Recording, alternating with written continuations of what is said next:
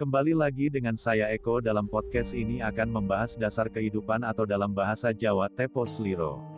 Setiap manusia tak luput dari namanya masalah dan ujian. Sekaya atau semapan apa pun hidupnya, ujian selalu Allah berikan pada hambanya. Bukan karena Allah benci, namun karena Allah cinta.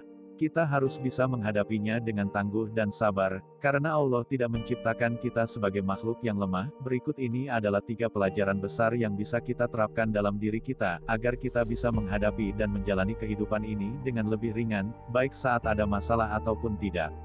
1. Belajar berprasangka baik. Kadang yang membuat kita cemas, kacau, overthinking adalah bersumber dari diri dan pikiran kita sendiri. Kita terlalu gampang membiarkan pikiran buruk masuk ke dalam pikiran kita. Entah kepada orang-orang terdekat kita atau bahkan kepada orang yang kita cintai.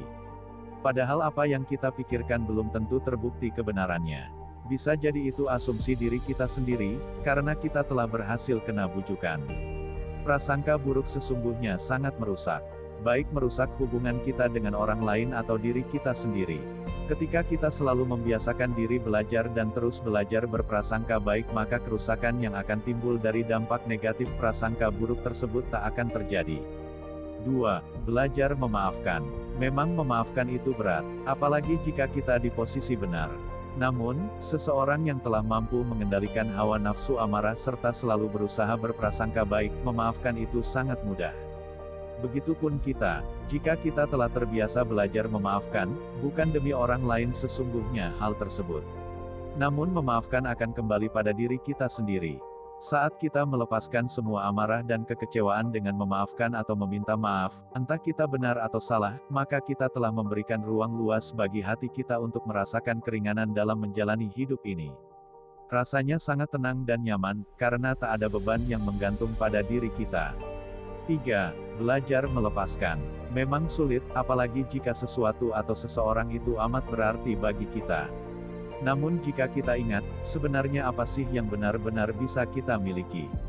Tidak ada bukan, karena memang semua berasal dari Allah dan hanya akan kembali pada penciptanya saja. Sehingga, mau kita menangis meraung-raung pun yang telah kembali kepada Allah atau yang telah Allah ambil, tak akan pernah kembali pada kita. Namun yang perlu kita ingat dan tanam dalam-dalam di diri kita, bahwa Allah tak akan mengambil sesuatu dari kita tanpa menggantinya dengan yang lebih baik. Hanya kita saja yang selalu berprasangka buruk dahulu pada kehendak, hingga tak pernah mau mengambil hikmah dari setiap kejadian dalam kehidupan kita. Dengan kita mampu belajar melepaskan, maka kita akan sadar bahwa hakikat semua berasal dan akan kembali lagi kepada Sang Pencipta. Sehingga kita akan mencintai atau membenci sewajarnya, mengambil atau mengembalikan secukupnya, dan seterusnya. Semoga ketiga hal dasar tersebut bisa benar-benar membuat diri kita siap menghadapi kehidupan dengan hati lebih ringan dan lapang. Dengan hati yang ringan dan lapang, tentunya akan lebih mengokohkan pendirian kita, dan membuat kita lebih banyak bersyukur.